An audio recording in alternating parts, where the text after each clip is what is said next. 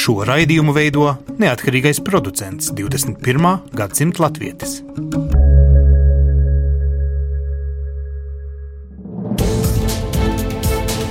Septiņas dienas Eiropā piedāvā Eiropas radiotīkls Eironet.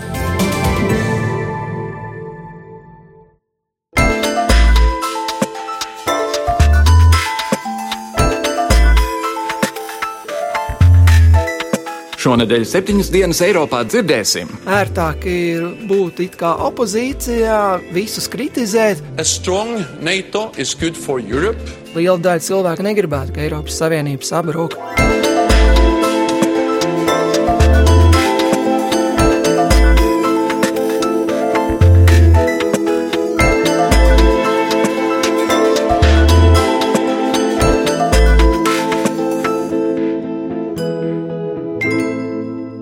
Labdien, godājamie klausītāji! Latvijas radio studijā Kārlis Streips sveicināti jaunākajās septiņas dienas Eiropā. Ja šodien nepabarosiet Gērtu Vilders un Mārku Rute, viņi būs beigti. Tāda ir jaunas aplikācijas ideja, kas ļauj Nīderlandes vēlētājiem līdz pat vēlēšanām rūpēties par saviem politisko partiju līderiem. Kad aplikācija lejupielādē, lietotājiem tiek iedalīts kāds no 17 lielāko partiju līderiem. Tos tad vajag uzturēt pie dzīvības, par viņiem rūpējoties un regulāri barojot.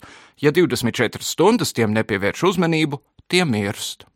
Aplikācija sauc Kamergoči, nosaukums, kurā apvienots Japāņu digitālais mājdzīvnieku spēlītas variants Tamagotchi ar Nīderlandes parlamenta apakšpalātu Tvēde Kameru. Aplikācijas instrukcijā rakstīts: saglabājiet savas partijas līderi pie dzīvības cik vien ilgi iespējams, barojiet tos ar pozitīviem virsrakstiem un pievērsiet tiem daudz, daudz uzmanības, jo tas viņiem patīk vislabāk. Izbaudiet, jo nekad jums nebūs bijusi tik liela politiskā ietekme.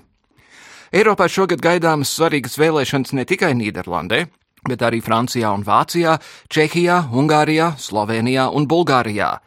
Populistu partijas ar lielāku vai mazāku atbalstu no Kremļa centīsies gāzt esošās varas partijas visās valstīs un tādējādi mainīt pastāvošo iekārtu Eiropā. Tālāk šodien raidījumā spriedīsim par šo lielo saspringto vēlēšanu gadu, centīsimies saprast, kādi iznākumi gaidāmi un kā tie varētu ietekmēt mūsu. Bet vispirms mana kolēģa Jāņa Kropa sižetā noskaidrosim, vai nav pārāk risks spriest par NATO izjukšanu, lai arī ASV administrācija māja ar mietu, ka tā nepirkstiņa nepakustinās, kamēr no Eiropas puses nedzirdēs vairāk naudu žvadzam.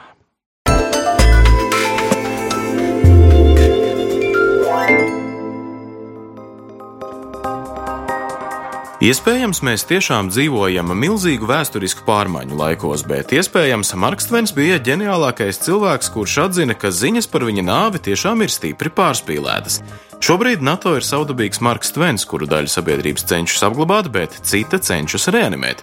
NATO ne tikai jāsaskaras ar jauniem izaicinājumiem attiecībās ar Krieviju, bet arī jātiek galā ar alianses iekšējo vienotību.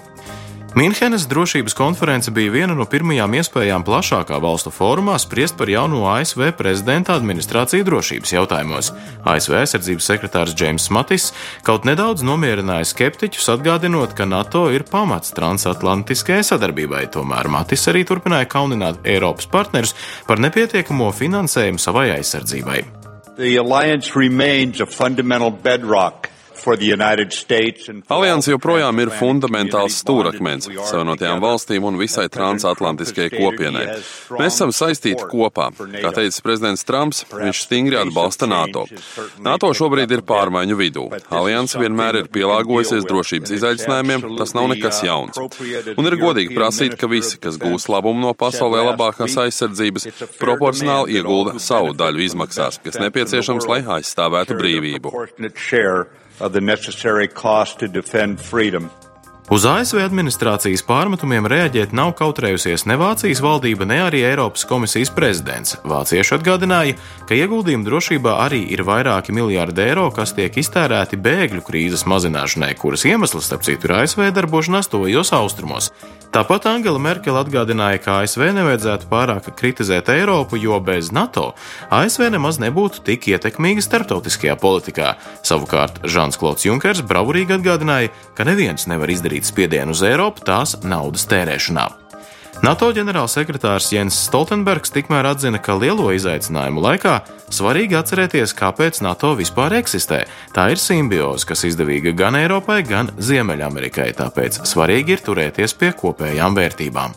This is a crucial time for our transatlantic alliance. Šis ir izšķirošs laiks mūsu transatlantiskajai aliansei. Šodienas izaicinājumi ir sarežģītākie un prasīgākie pēdējās paaudzes laikā. Ne Eiropa, ne Ziemeļamerika vienatnē ar tiem nevar tikt galā.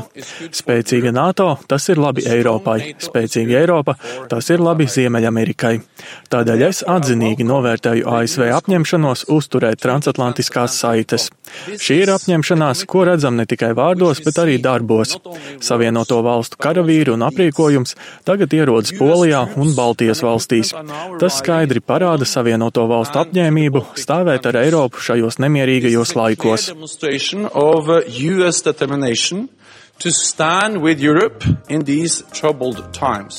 Latvijas ārpolitikas institūta vadītājs Andris Sprūts arī uzskata, ka eksistenciālajos jautājumos par alianses nākotni valda dažādas idejas. Taisnība allaži ir kaut kur pa vidu, tāpēc visticamāk ir taisnība tiem, kas saka, ka NATO esošajā formā neizdzīvos, arī tiem, kas atgādina, ka NATO ir spējīga pielāgoties izaicinājumiem, lai arī kādi tie būtu. Es domāju, ka šeit ir zināms kokteilis. Gan viens, gan otrs, gan teiksim, šīs te nāves priekšlaicīgums ir pārvērtēts. No otras puses, protams, ka NATO ir izaicinājumi un problēma priekšā. To jau var pat tā varbūt teikt, ka to atzīs mūsu aizsardzības ministrijas vadība, tad, kad viņi intervijās starptautiski, prestižiem izdevumiem saka, ka, nu, nepieciešamības gadījumā viņi ir gatavi aizstāvēt aizsardzības ministrijas telpas ar ieročiem rokās. Tas nozīmē, ka praktiski pat augstākajā no aizsardzības establishmenta līmenī tiek atzīts to, ka varbūt pat situācija līdz kaut kam tādam var nonākt.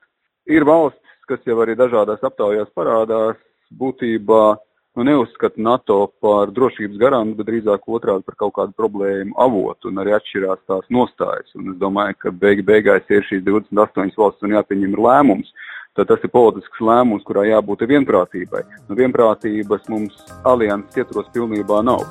Pozitīvā ziņa ASV iedzīvotāji vēl joprojām īpaši lielā skaitā uzskata, ka NATO ir ļoti svarīga un nepieciešama alianse. Galop aptaujas parāda, ka tādi ir 80% amerikāņu.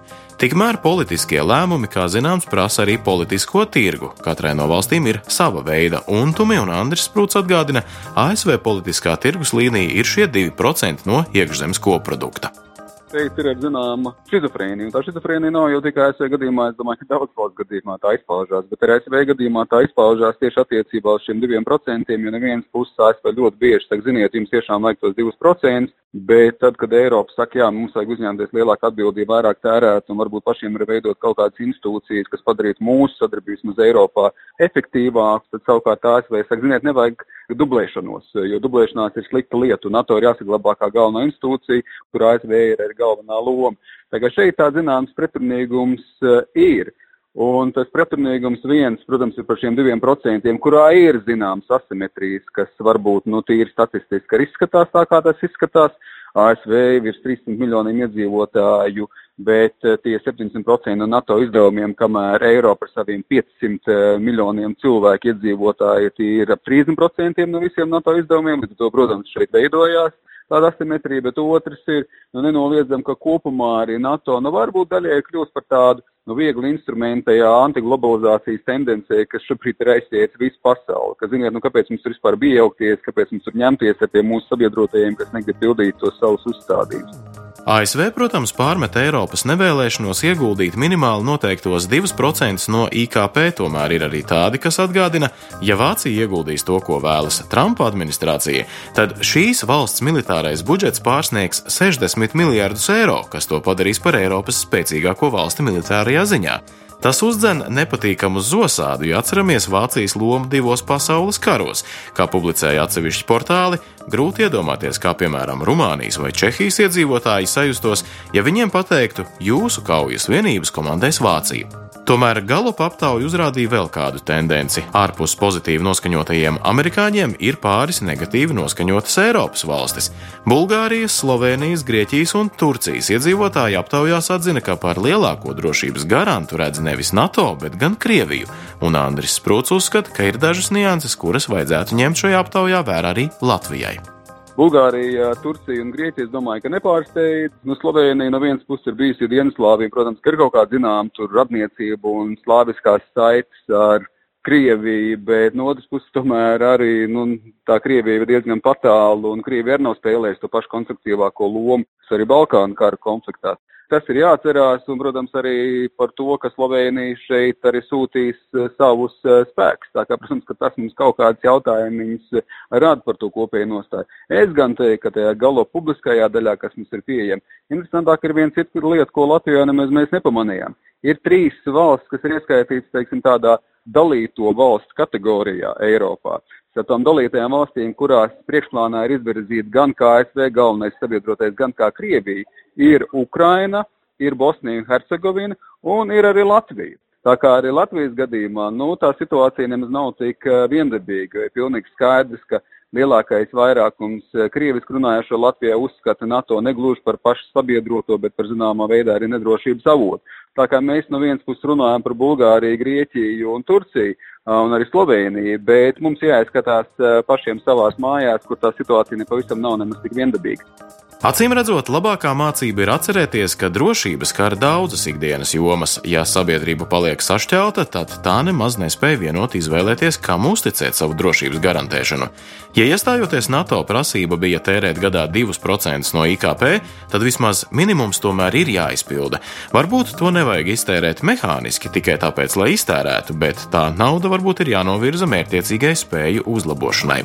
Jautājumi par to, kā būtu pareizi, ir ļoti daudz, bet par laimi diskusijas un strīdi ir iespēja atrast jaunas sadarbības formas. Pagaidām neviena no NATO valstīm nav atzinusi, ka alianse būtu nevajadzīga, un militāro alianšu jēga galu galā ir tik tālu, kamēr tā kalpo savu biedru interesēm.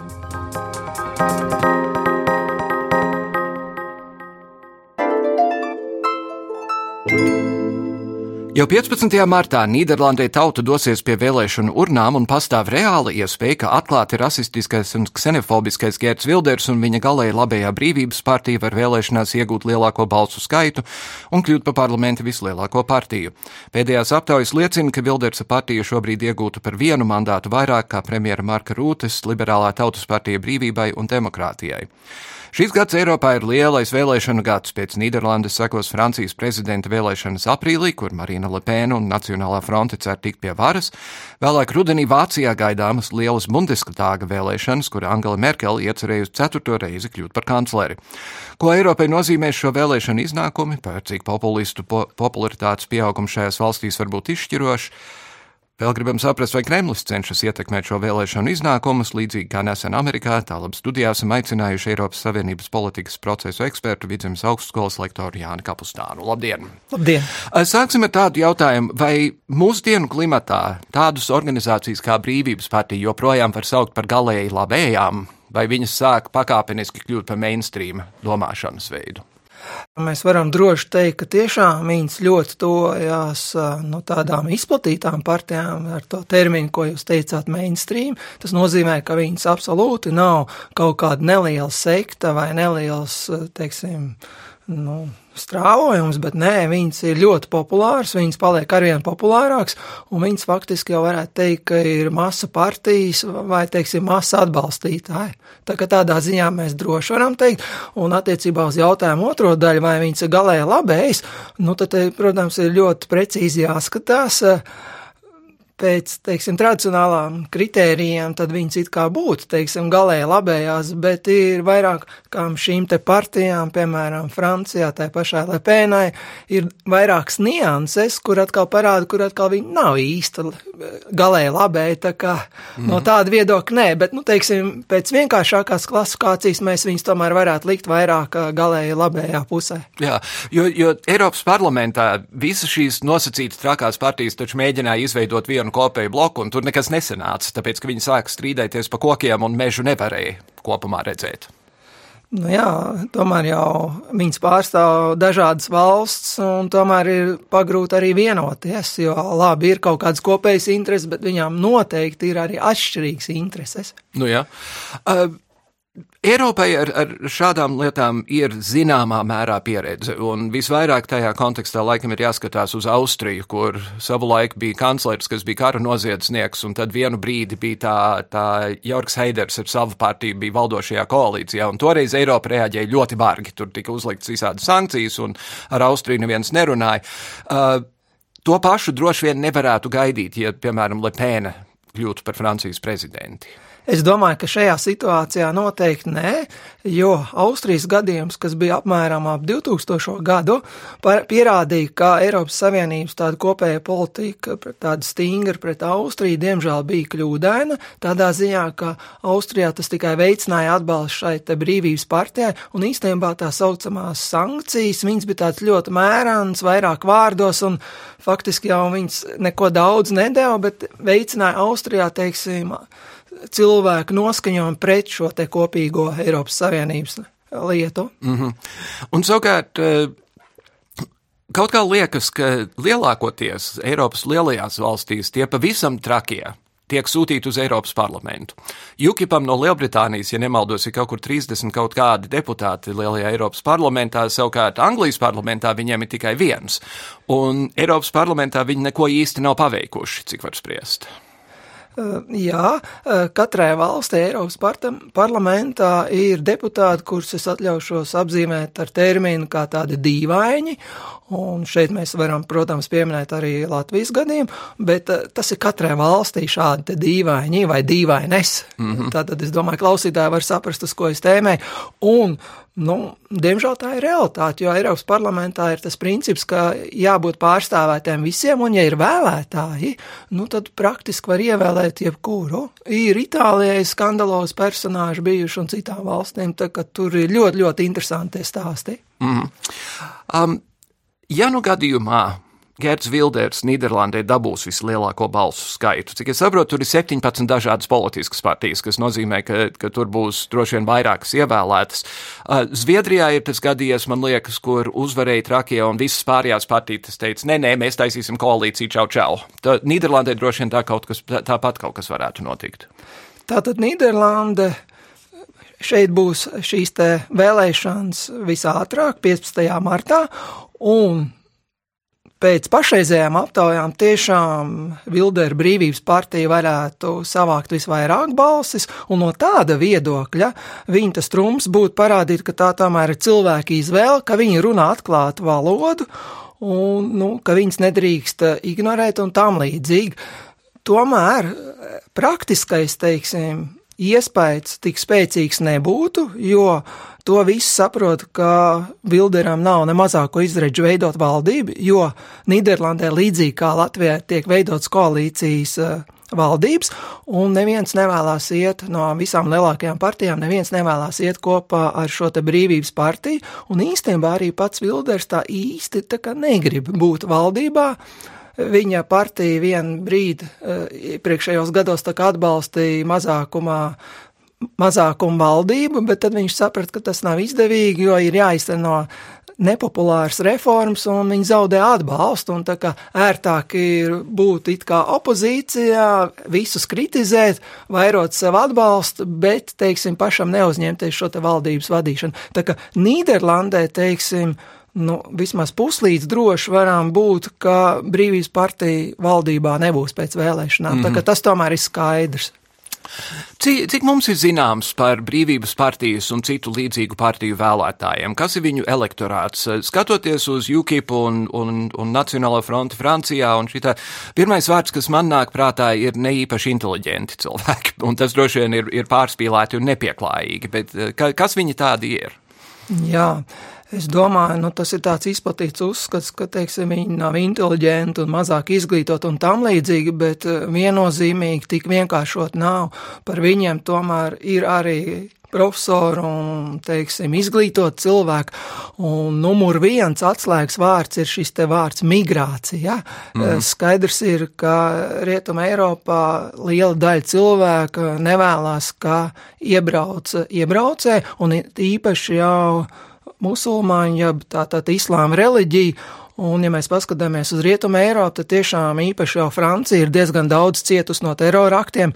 Nīderlandē savulaik tika nogalināts populārs uh, kino režisors, un no tāda viedokļa viņiem ir diezgan liels pamats uztraukties par šo te islāma ekspansiju, un Nīderlandes uh, pašreizējais premjerministrs Marks Rūte bija publicējis atklātu vēstuli iebraucējiem, tātad vai nu integrēties un pieņemiet mūsu vērtības, vai arī brauciet prom, un tas mm -hmm. tomēr ir rādītājs, ka nu, nevar atbraukt valstī un paprasīt, lai tagad uh, ievēro iebraucēji, teiksim, pil tiesības pilnā mērā. Pamēģiniet jūs aizbraukt uz Irānu vai Saudarābiju un paprasīt, teiksim, nu, tagad staigāt kā nūdistiem vai mm -hmm. vēl mhm. kaut ko, jūs tur ļoti, ļoti baigi sodīs. Tā ka šeit ir zināms pamats. Cita lieta ir, ka viņi ņem klāt nu, diezgan daudz saukļus, kurus es apzīmētu ar vārdu tukša solīšana, kurus varbūt ir grūti īstenot, it īpaši jau ekonomiskā plāksnē, un te skaidrs ir, ka viņi, līdzīgi kā Brexitā vai Amerikā Trumps, daudz ko sasolīja, kas nav īsti izpildāms. No jā. uh, Šķiet arī, ka Nīderlanda varbūt drusku mazākā mērā, bet Francija īpaši pat labi maksā par kolonizācijas grēkiem.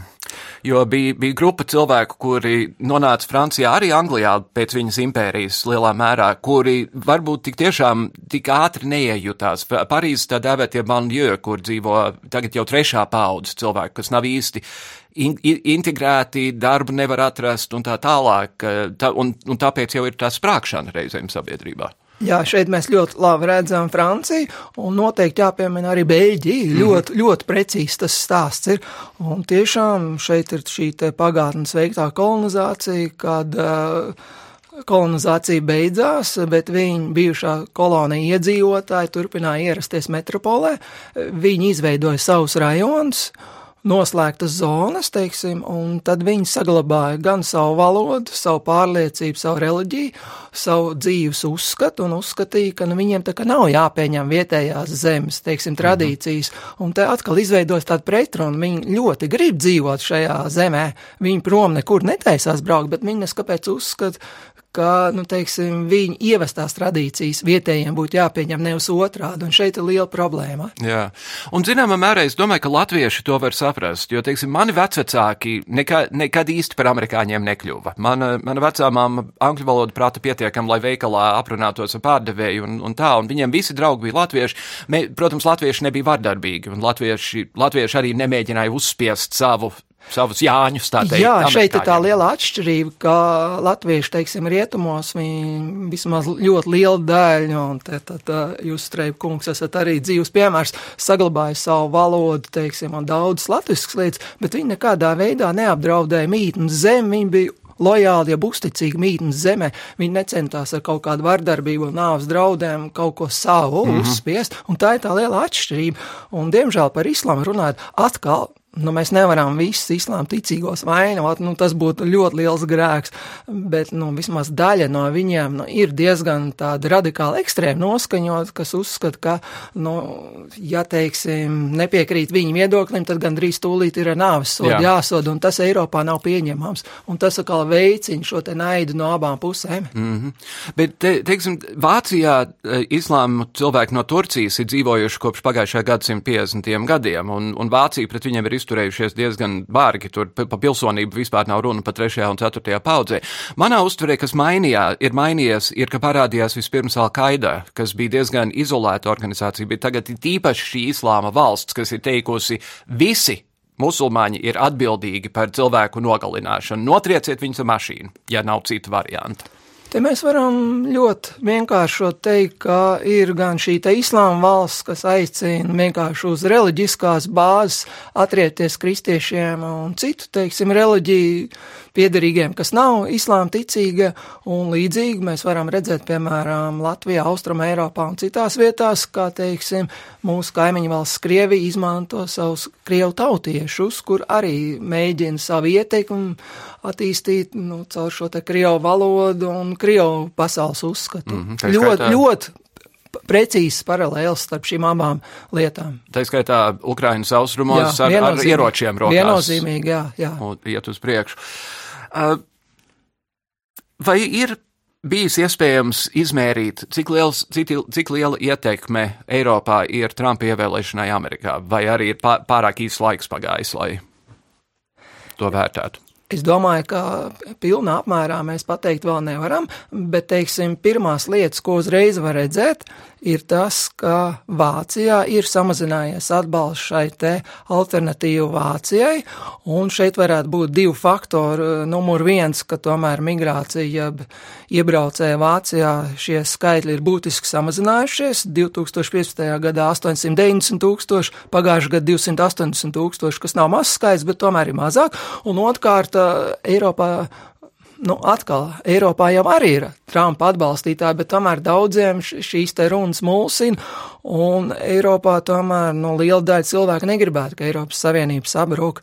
Es domāju, Vācija tas ir numur viens, jo Vācijai taču Eiropas Savienība ir ļoti izdevīga. Mm -hmm. Vācija eksports taču dominē Eiropas Savienībā, un es domāju, Francijā, lai cik viņi žēlotos par daudzām Eiropas Savienības lietām, ja mēs paskatāmies uz franču lauksaimniekiem, Tas būtu ārprāts, ja, mm -hmm. piemēram, teorētiski Eiropas Savienība sabruktu tagad un tas viss pazustu. Mm -hmm. Franču lauksaimnieki ļoti, ļoti iegūst, un no tāda viedokļa, teiksim, tas, ko Trumps daudz ko ir sarunājis, eh, viena daļa cilvēku, nu tā kā mazliet atgrūž no Amerikas un tā kā mazliet liek sasparoties atkal šīm te Eiropas idejām. Mm -hmm. Un es, es gribētu arī pieņemt, ka, ka sabiedrības kā tādas un elektorāti kā tādi, neviens nedomāja, ka Briti nobalsos izstāties no Eiropas Savienības, un Dievs zina, neviens nedomāja, ka Trumps kļūs par Amerikas prezidentu, un varbūt cilvēki ir sākuši saprast, ka tomēr ir jābūt uzmanīgiem attiecībā uz savu elektorālo politiku.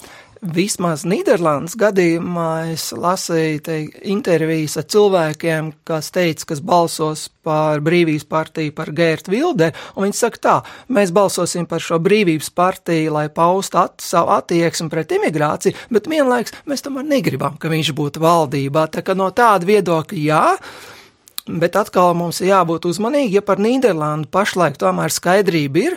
Francija un Vācija, nu, teiksim, mums vēl būtu pārāk prognozēt precīzi, kas tur būs, un, jo tiešām Brexits un ASV prezidenta vēlēšanas parādīja, ka viss izšķīrās pašās pēdējās dienās. Un pirms tam bija pilnīgi cita aina. Mm -hmm. Pirms tam viss rādīja, ka Brexits nebūs, ka Klintona tiks ievēlēta, un dažās dienās tā aina izmainījās. Nu jā. jā, Francijā, protams, pirmais lielais jautājums būs, vai, vai otrā kārtā kopā ar Lepēnu nonāks Filons vai Makrons, jo Filonam ir diezgan liels korupcijas problēmas. Makrons ir it kā skaitās tāds drusku populārāks, bet tad, kad papiņš eh, pārsteidz visu pasauli iekļūstot otrajā kārtā šī raksts, to gadu, ja nemaldos, dabūja 82% balsu, jo visi pārējā sarāvās un teica, nu nekādā gadījumā. Bet tagad tā aina tā tomēr ir, ir pamainījusies. Tā, tā, tā, viņa meitai, tā, tā, tā, Mari, Marinai Lepēnai, nu skaidrs ir, ka atbalsts jau ir daudz, daudz lielāks. Un, ja mēs skatāmies uz Latvijas interesēm, tad Latvijas interesēm tomēr daudz izdevīgāks būtu šīs centrists Emanuels Makrons, jo, diemžēl, arī šīs vēl viens kandidāts Fijons ir ļoti paudz tādu Krievijai draudzīga mm -hmm. retorika. Cik lielā mērā jūs prāt, Krievija iejauksies šogad dažādās vēlēšanās? Tā, tā skaitā domājot par mūsu pašvaldību vēlēšanām, kur arī Krievijai tomēr ir savas intereses, it īpaši Rīgā. Jā, tā tad Krievija jau ir iejaukusies ASV prezidenta vēlēšanās, tas jau ir vispār atzīts fakts, ko nevar noliegt. Jau ir parādījušies signāli, ka Krievija ir centusies e, nomēlnot šo te kandidātu Emanuēlu Makronu Francijā, jo Krievijai viņš nav izdevīgs. Un, nu, tad ir skaidrs, ka Krievija centīsies. Es domāju, Vācijā ļoti, ļoti centīsies. Jautājums vienīgais, cik daudz Francijā, Vācijā, Nīderlandē Krievijas propaganda var iedarboties. Tas ir atklāts jautājums. Un skaidrs ir, ka Amerikā Nu, jā, Krievija iedarbojās, bet vai tas bija izšķirošais jautājums, tas arī vēl nav skaidrs, vai ne? Un tas bija caur Wikileaks. Tā, jā, tā nebija jā. Krievija patiešo īsti. Tā, tur bija. Un, ja mēs pārējām pie Latvijas pašvaldību vēlēšanām, nu skaidrs ir, ka Krievijas interesēs būtu saglabāt esošo Rīgas domas vadību. Nu, tas taču ir viennozīmīgi skaidrs. Un nomainīt vadību Daugavpilī. Daugopils, tu, tur ir ļoti interesants tas stāsts. Tur jau faktiski viņi visu laiku ir bijuši kaut kādā vadībā. No nu jā. Viņiem mērs nav bijis. Mm -hmm. Nu, skaidrs. Ar to arī, diemžēl, mums eh, laiks ir, ir pagājis. Vidzemes augstskolas lektors Jānis Kapustāns. Paldies par sarunu. Paldies. Jums. Mēs dzīvojam interesantos laikos.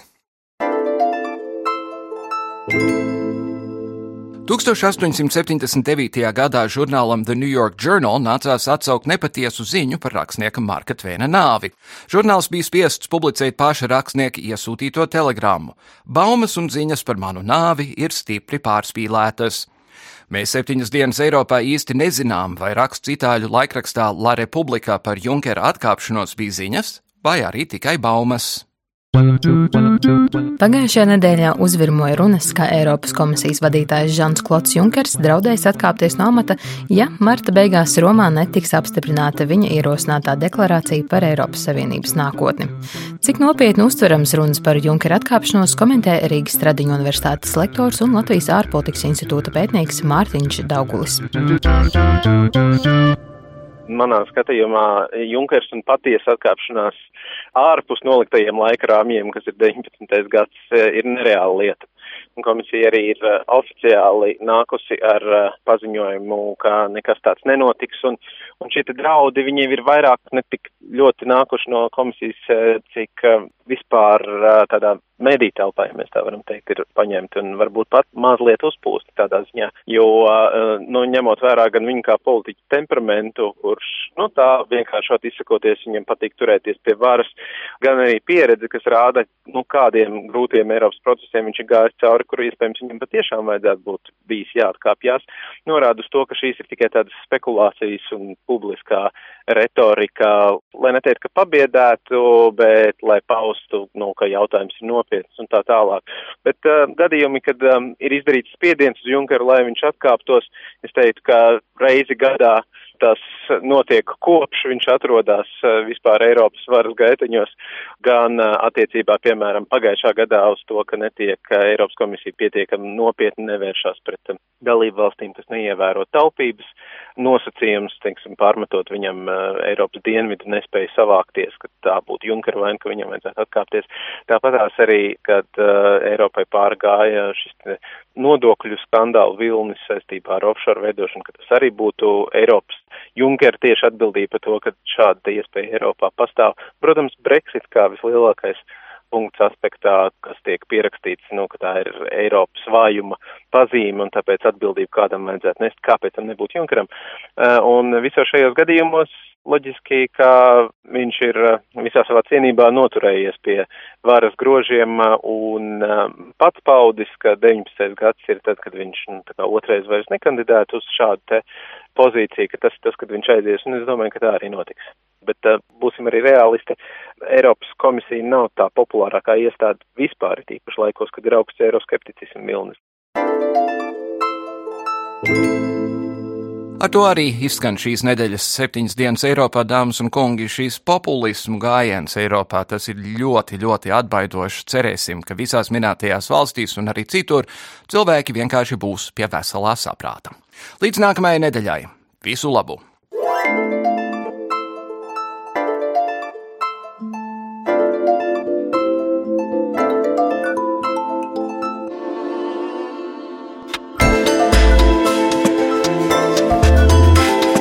Raidījumu veido Kārlis Streips, Ieva Valēne un Jānis Krops.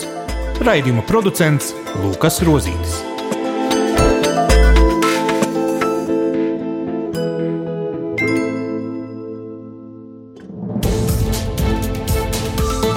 Visus Eironet plus sižetus un raidījumus meklējiet Latvijas radio mājaslapā.